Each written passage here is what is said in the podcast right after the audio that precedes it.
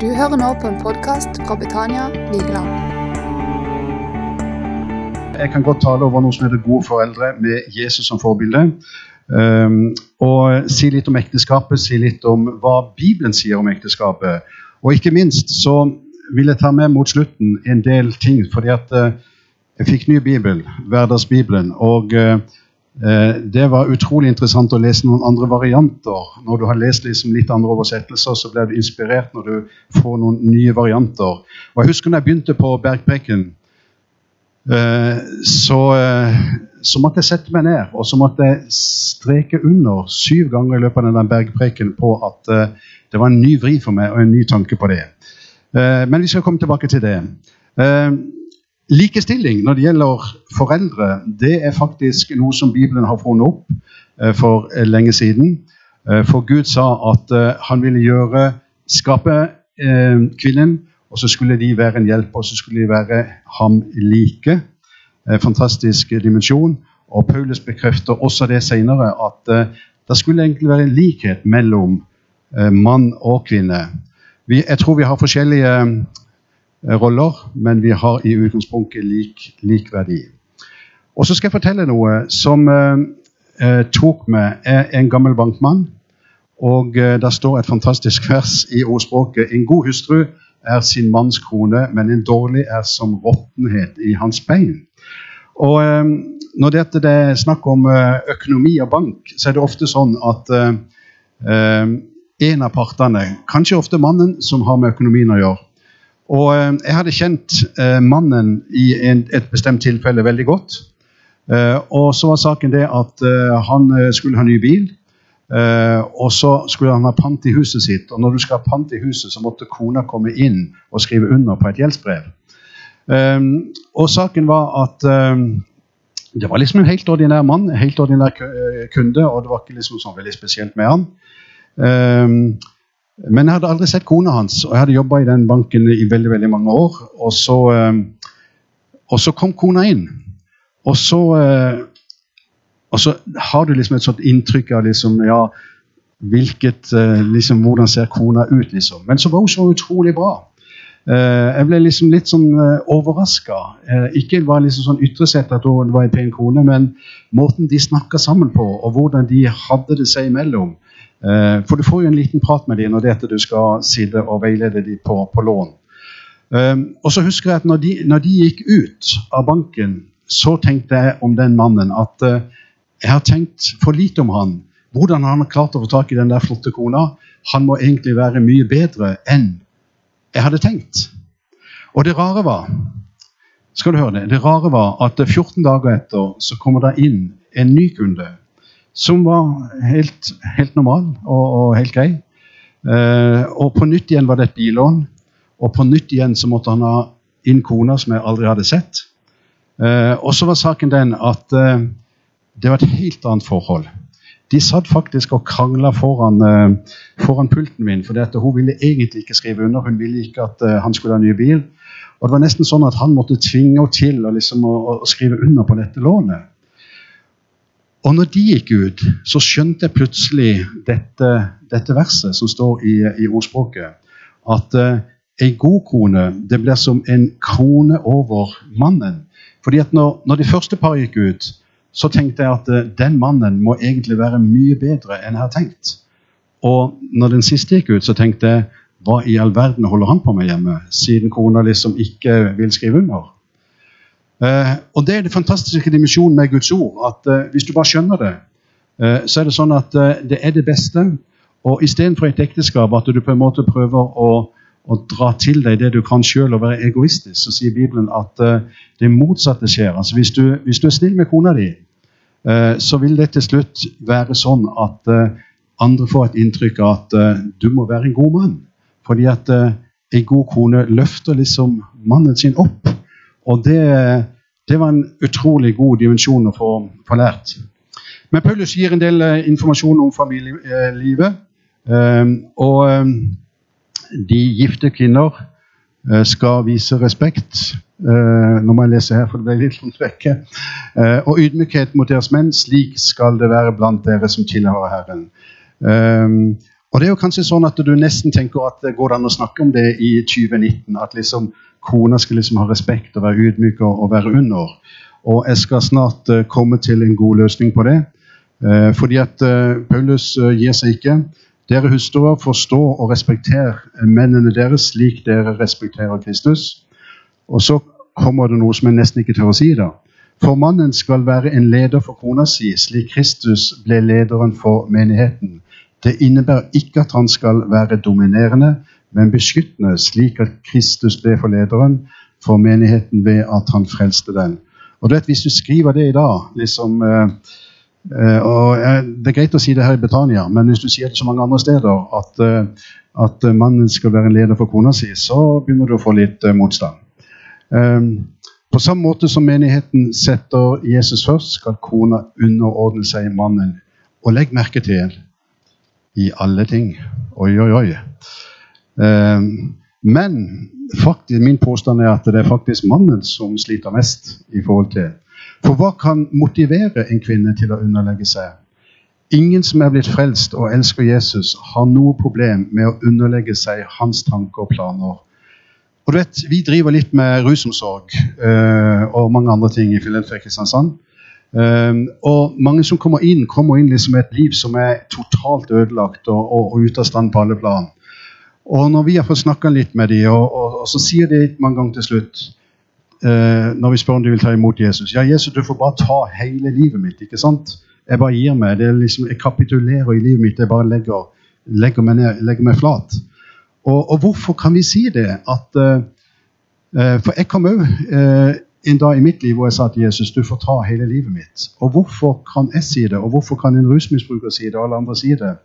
Jo, fordi at uh, vi er jo 100% sikre på at uh, Jesus vil gjøre det beste for oss. Og du vet, uh, jeg har vært gifta i noen år. Jeg vet ikke hvor mange, Bodil. Husker du det? Nei? 40? 45? Eller et eller annet sånt. Jeg ble forelska i Bodil da jeg var ni år, så vi har holdt på veldig lenge. Så vi kjenner hverandre godt. Uh, vi ble ikke gift når hun var ni år, men uh, var tross alt 18 når vi gifta oss. Så ja, sånn var det. Men uh, hvis du tenker etter, så er det sånn at vi er jo litt forskjellige med Bodil. og dermed så er vi jo litt forskjellige på hva vi har lyst på, og hva vi skal gjøre, og alle, de, alle disse tingene her. og vi pleier å være veldig mye på ferie i, i Frankrike. Og jeg er en sånn type at jeg vil helst liksom oppleve noe nytt hver gang. Og Bodil er stikk motsatt. Hun vil liksom helst bo på det samme stedet hver eneste gang. For da er det trygt der, vet du hvor hun skal kjøpe brød, og hvor hun skal kjøpe klær og alt mulig. Altså, Der, er det trygt og godt. Men jeg tenker som regel at uh, hvis vi bor på et sånt uh, hotell, så tenker jeg at uh, tenk hvis det er dobbelt så fint på det andre hotellet rett på sida, og så har vi bodd her i 20 år, og så kunne liksom hatt det mye bedre, mye bedre basseng og liksom alle mulige ting. Um, og så kan det være en sånn konflikt liksom, ikke sant, i ekteskapet. liksom, uh, og så Siden jeg skal være den som leder uh, ifølge Bibelen, så kunne jeg ha kommandert det som vi skal alltid bo på nye steder. ikke sant? Men så er kravet til oss som menn uh, faktisk enda mye verre. Um, fordi at hvis du skal ha samme standard som, som Bibelen sier, så skal du faktisk sørge for at uh, du alltid vil kona det beste. Og vet, Da hadde det blitt sånn at uh, hvis jeg skal være en mann etter Bibelens størrelse, så hver gang vi skal på ferie, bare for å ta det, så må jeg tenke hva, hvor har Bodil lyst til å gå på ferie? Og så vil jeg, hvis jeg følger Bibelens standard, egentlig prøve å gjøre det best mulig for henne. Og da er det ikke noe problem egentlig for henne å være underlagt en mann som hele tida tenker liksom, hver gang det er noe Hva tenker Bodil om dette? Hvordan skal, liksom, hvordan skal vi ha det? Eh, hvor skal vi bo? Hvor, hva skal vi gjøre? Og så videre, og så videre. Så den bibelske standarden er jo egentlig fantastisk. fordi at eh, hvis vi virkelig hadde tenkt å gjøre det sånn som dette, så ville vi ha hatt det fantastisk bra. Det er ikke meg som skurrer i mikrofonen. Nei. Nei, det er bra. Da går vi videre. For krav til mannen. Dere ektemenn skal elske konene deres på samme måte som Kristus elsker menigheten. Han elsker den slik at han ga seg selv i døden. Slik skal også mannen elske sin kone som sin egen kropp. For ingen hater jo sin egen kropp, men tar hånd om den og gir den alt det den trenger. På samme måte som Herren viser omsorg for menigheten, skal mannen vise omsorg for sin kone. Uh, utrolig. Og så er det noen advarsler til oss menn. En, uh, en sterk advarsel i 1. Peter uh, det er å elske og ære konene våre, og faktisk slik at bønnene våre ikke blir hindra. Hvis du sliter med å få bønnesvar, så kanskje tenk gjennom hvordan har jeg vært med kona mi. Eh, for Peter sier faktisk det, at eh, i verste fall så kan du ikke leve som du vil liksom hjemme og så tro at alle bønnene dine bare sklir rett gjennom. Eh, jeg tror Herren ser litt på hvordan vi har det i hjemmet vårt. Og du vet, Det er jo syv alvorlige ting som vi menn på farsdagen bør tenke gjennom, men ikke bare på farsdagen, men egentlig hele livet. Der menn skal være gode ektemenn, bare det er jo nok. Vi skal være gode ektemenn. Og så skal vi vise konene vår respekt. Vi skal leve sammen med dem med forstand. Uh, vi skal gi konene ære. Og spørsmålet liksom, hvor ofte ærer vi kona vår? Hva sier vi om ekteskapet rundt forbi? Um, og jeg bestemte meg når jeg jobba i banken spesielt da um, Hver gang vi hadde bryllupsdag og, og litt sånn forskjellig, og så hadde snakket om dette Eh, så, så sier jeg så nå har vi vært gift i 20 år, og nå har vi gift i 25 år. Og så sier jeg alltid Og det blir bedre og bedre for hvert år, sa jeg. Og du vet, Det er jo ikke alltid det blir sånn. Og så begynte de å spørre liksom, ja, hvorfor blir det bedre. Og så hadde du egentlig en god anledning til å rose den du er gift med. Og trekke fram liksom, hvorfor er det bedre. Jo, eh, det er én ting å være forelska, men det er enda bedre å på en måte lære Eh, våre ektefeller å kjenne. Og Når du begynner å sette pris på de egenskapene, så må du begynne å rose det ut. Og eh, Det verste jeg hører, det er faktisk det motsatte. Når folk rundt forbi begynner å snakke dårlig om den de er gift med. Eh, det er ikke bibelsk standard. Men det å finne Det er mer enn nok å tenke på å si av ros til den du lever sammen med. Og dette er spesielt hos menn. da. Også og så um, uh, Dere menn skal elske deres koner og ikke være strenge, står der, eller harde. Og vi skal vise de ære og elske de på samme måte som Kristus elsker menigheten. Så eh, Mange tenker at eh, for kvinnene har et tøft, et tøft program, for de skal underordne seg menn. Men i sannhet så er det de mennene som har det største problemet. For hvis vi oppfyller alle de syv punktene der, så er det ikke noe problem for ei kone å overlate eh, noe styring til mannen. Eh, men eh, den bibelske standarden er alltid den beste. Og min påstand er at ekteskapet og koner får det fantastisk bra hvis de er gift med en mann som følger Bibelen. Barn og foreldre det står at, uh, skal, at uh, barna skal være lydige. Og så står det rett og slett for det er rett. Uh, og det står om at vi skal hedre våre foreldre. og så står det at da får vi løfte om et langt liv. Og jeg tenkte plutselig at hvorfor i all verden måtte Gud sette et løfte bak dette at du skulle hedre din far og din mor? og det er jo sånn at hvis det at du hvis det er noe som er viktig for deg, uh, så pleier du liksom å legge til noe. Jeg skulle lære barna mine å, å lese Bibelen.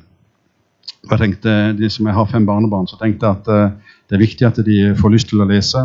Og det er ikke mange som leser nå i disse dager, og de fleste liksom sitter bare og spiller på et eller annet. Men så tenkte jeg jeg må få dem til å lese litt.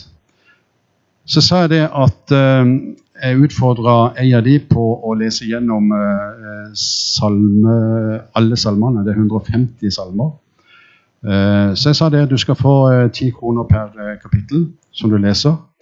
Og hun klarte jo da å lese etter en stund alle 150 eh, kapitlene. Eh, og hvorfor gjorde jeg det? Fordi at jeg tenkte hvis de får inn salmene som står skrevet i denne her boka her, så fester det seg noe i sinnet, og så blir det noe som lager seg, som du kommer til å få brukt for seinere. Og fordi det var viktig, så la jeg liksom en belønning bak. Og fordi det var viktig å hedre foreldrene, så la Gud et løfte bak og sa at du skal få et langt liv hvis du gjør det. Det skal være en inspirasjon til deg å, å gjøre det. Og jeg tenker ikke bare foreldre, men kanskje spesielt i dag at eh, det er viktig å hedre de som begynner å bli gamle. eh, De som er en annen generasjon enn deg. Og så syns Gud det var så bra at han sa at eh, hvis du gjør det, så skal jeg sørge for at du får et langt liv. Det første budet som Jesus gav, som det var et, et løfte bak. Um, foreldre har også ansvar, og det står at vi må ikke hakke på dem. Altså ikke unødig provosere dem, så vi foreldre eh, vi har et kjempeansvar på det. Um, jeg vet ikke om dere har vært uh, borti disse kjærlighetsspråkene. Jeg skal ikke gå inn på dem, bare referere dem. Fem, fem kjærlighetsspråk. Um, og meg og Bodil vi har to forskjellige kjærlighetsspråk.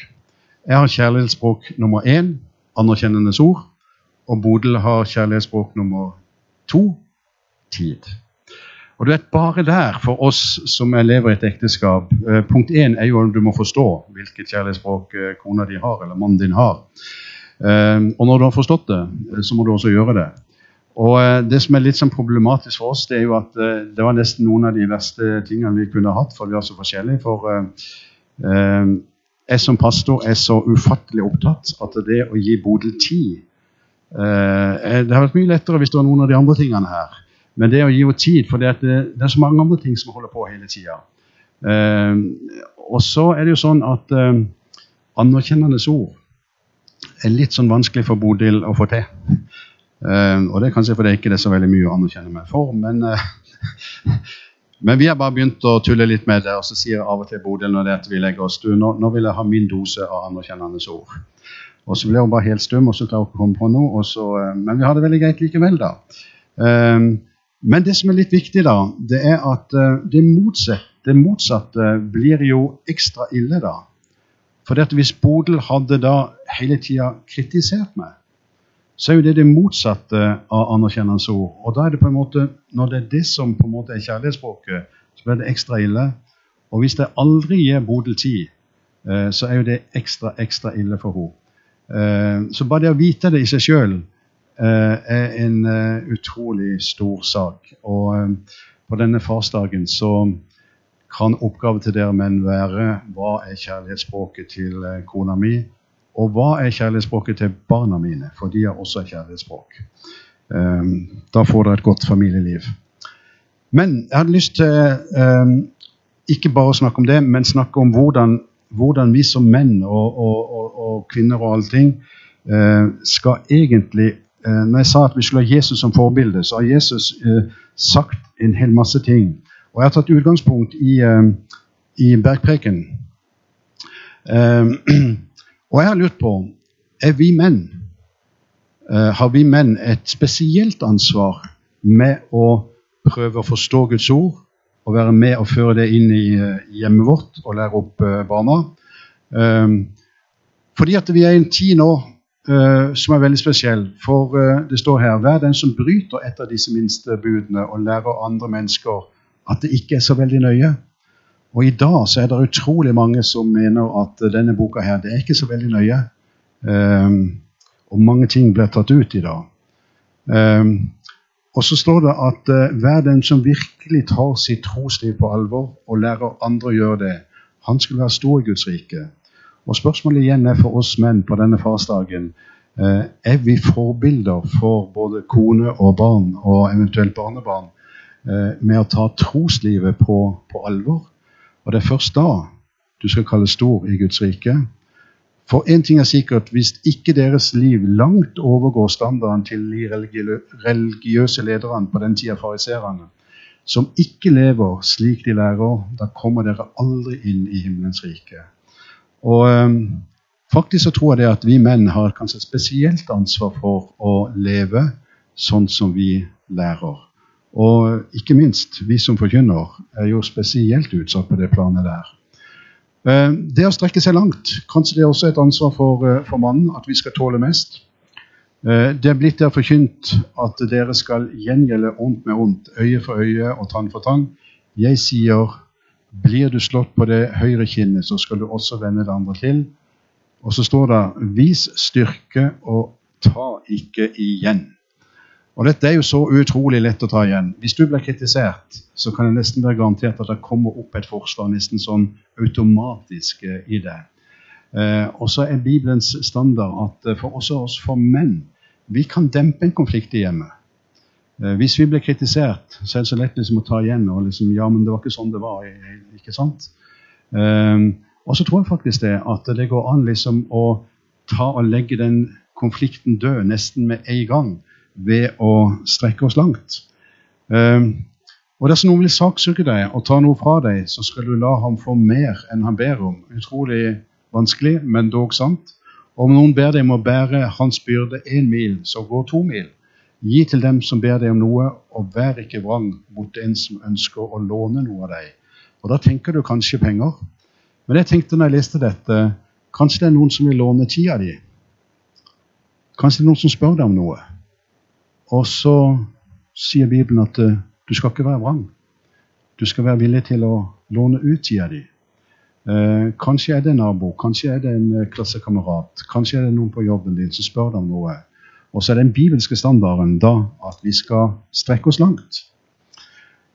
Det var rett fokus. og nå snakker vi litt på økonomi, og der tror jeg faktisk at mannen har et solid ansvar.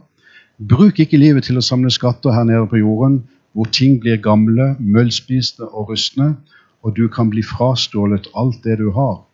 Husk at uh, der du velger å samle skattene dine, der vil også oppmerksomheten, interessen og kjærligheten din være. Og det er helt klart, jeg tror mange menn sitter og ser for mye på fotball eller golf eller et eller annet. Uh, og hvis det er bare det som interesserer deg, så vil hele ditt din oppmerksomhet, interessene, så vil de bare være der på det området der. Og jeg kan godt fortelle at jeg er veldig sportsinteressert. Og jeg kunne vært skikkelig sånn uh, slave av sport. Um, og så husker jeg en gang at, um, at Herren tok meg litt på det planet der. Uh, for jeg hadde sikra meg liksom alle disse eurosportkanalene, liksom sport på alle mulige plan. Og så sa Herren til meg en gang Det er helt greit, sa Herren til meg, at du liker sport, men dosen din er altfor svær.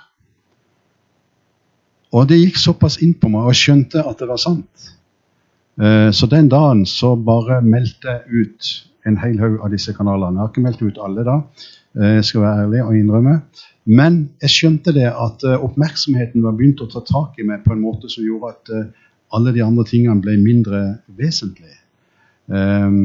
Og kanskje det spesielt er for oss menn at uh, vi kan sitte i timevis og se både én og to og tre fotballkamper og dele med det andre. Og uh, familielivet blir jo ikke alltid det beste av det. Uh, særlig på lange sjakkpartier det, eller Tour de France på sykkel. Det tar veldig lang tid. og det er ikke alltid alle er interessert. ingen kan tjene både den hellige Gud og denne verdens Gud. De er så forskjellige at dersom han elsker den ene, vil han forkaste den andre. Tøffe ord. Det er ikke mulig samtidig å tjene både materialismens gud og himmelens gud. Og eh, vi er jo i samme bås alle sammen. Eh, det er veldig lett for oss å tenke liksom at eh, ja, eh, og tid skal vi kjøpe ny bil, og tid skal vi bygge hytter og hele tida. Og jeg tror ikke det er galt, men eh, det er noe med å ha allikevel det rette fokuset. For eh, Bibelen er jo ganske så alvorlig på det. Og av og til så er det ting vi må gi fra oss. Og jeg husker at når vi ble, eh, når vi ble pastorpar i Eller når Gud kalte oss da, på 90-tallet, så, så var det en veldig hard kamp for oss. For jeg visste det at jeg kunne ikke tjene like mye i Filadelfia som jeg tjente i banken. Og jeg visste at jeg måtte gå drastisk ned i lønn. Uh, og jeg kom hjem til Bodølen da og sa at vi må, hvis vi skal ha den jobben der, Eh, så må vi selge huset, og vi må selge båten. Og dette er jo ikke så, Det er ikke så gøy for Bodil som er gift med en bankmann, å komme hjem og bare plutselig høre at nå må vi liksom langt ned i standard. Men det gode med Herren, det er jo det at uh, Bodil fikk et ord om at uh, Herren skulle være vår forsørger, og at vi ikke skulle på en måte tenke på at vi på en måte måtte selge hus og dette.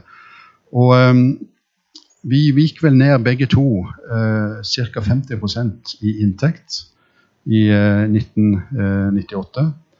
Eh, og da tenker du liksom, da blir det et kjipt liv. liksom. Da, liksom, da kan du ikke tillate deg liksom de andre tingene. Um, men Herren er fantastisk. Herren er utrolig fantastisk. Og Jeg husker allerede første, uh, første dagen etterpå jeg tror det var Bodil fikk dette ordet her om at uh, Herren skulle være vår forsørger. Så fikk jeg en idé. Kanskje jeg skal søke banken om uh, en sånn sluttpakke når jeg skulle si opp. Så jeg ringte til min sjef og spurte liksom, kan jeg søke om en sluttpakke. For det var noen som begynte å få i en spesiell avdeling. Eh, men jeg fikk eh, nei, eh, fordi at det var ikke de stillingene som vi hadde, og jeg var filialsjef, og det var liksom ikke de som de skulle kutte ned på. De skulle kutte ned på noen andre. Så jeg fikk bare nei. Men etter at jeg hadde tatt den telefonen, så sa Herren til meg du skal søke likevel. Uh, og uh, Herren sa også du skal søke om å få fire månedslønner. Uh, og dette her var på fredag. Så jeg skrev en mail, sendte til sjefen. Enda han hadde sagt at ikke det nytta. Men saken var at på mandag så fikk jeg en ny mail. Du har fått det likevel. Og det året der så utgjorde det like mye som det jeg måtte gå ned i lønn. Så allerede det første året der så var liksom det oppfylt, det at Herren skulle være vår forsørger. Um, og Jeg kunne fortalt utrolig mange historier om at akkurat på dette planet med økonomi, så har Herren virkelig holdt løftet sitt. for vi har ikke prøvd å samle skatter liksom alle andre steder. Vi har prøvd å samle skatter der hvor møll og rust ikke tærer. Um, og flere ganger så har det hendt mirakler på økonomi som jeg tror aldri ville vært i nærheten av hvis ikke vi hadde prøvd å ha fokuset rett mot uh, Herren. Um, så det er ofte sånn at den som, det står jo at den som vil berge sitt liv, han skal miste det. Men den som er villig til å gi det fra seg, for han skal, han skal finne det. Og det har i sannhet vært, uh, uh, vært vår erfaring i alle disse årene her. 20 år nå, hvor Herren på mange ulike måter har vært vår forsørger. det har kommet under på under. Og flere ganger flere ganger, kan jeg si, så har det kommet gaver på 100 000 og mer. Og de hadde aldri kommet hvis ikke. Og de har kommet ut av nesten ingenting. Plutselig av folk som ikke vi overhodet kjenner. Plutselig så har Herren bare sørga for at det har kommet uh, midler når vi trengte det som mest. Um, så det kunne jeg stå lenge og fortelle om, men jeg skal gå videre.